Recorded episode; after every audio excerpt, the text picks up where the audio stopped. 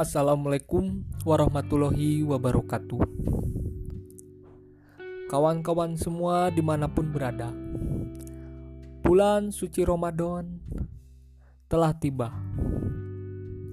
Untuk itu, marilah kita jadikan momentum bulan Ramadan ini untuk saling meningkatkan keimanan dan ketakwaan kita kepada Sang Pencipta, yaitu Allah Subhanahu wa Ta'ala, meskipun di tengah keadaan situasi dan kondisi wabah pandemi virus COVID-19.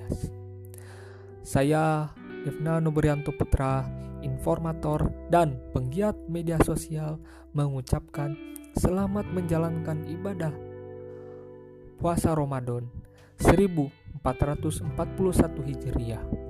Marhaban ya Ramadan. Wassalamualaikum warahmatullahi wabarakatuh.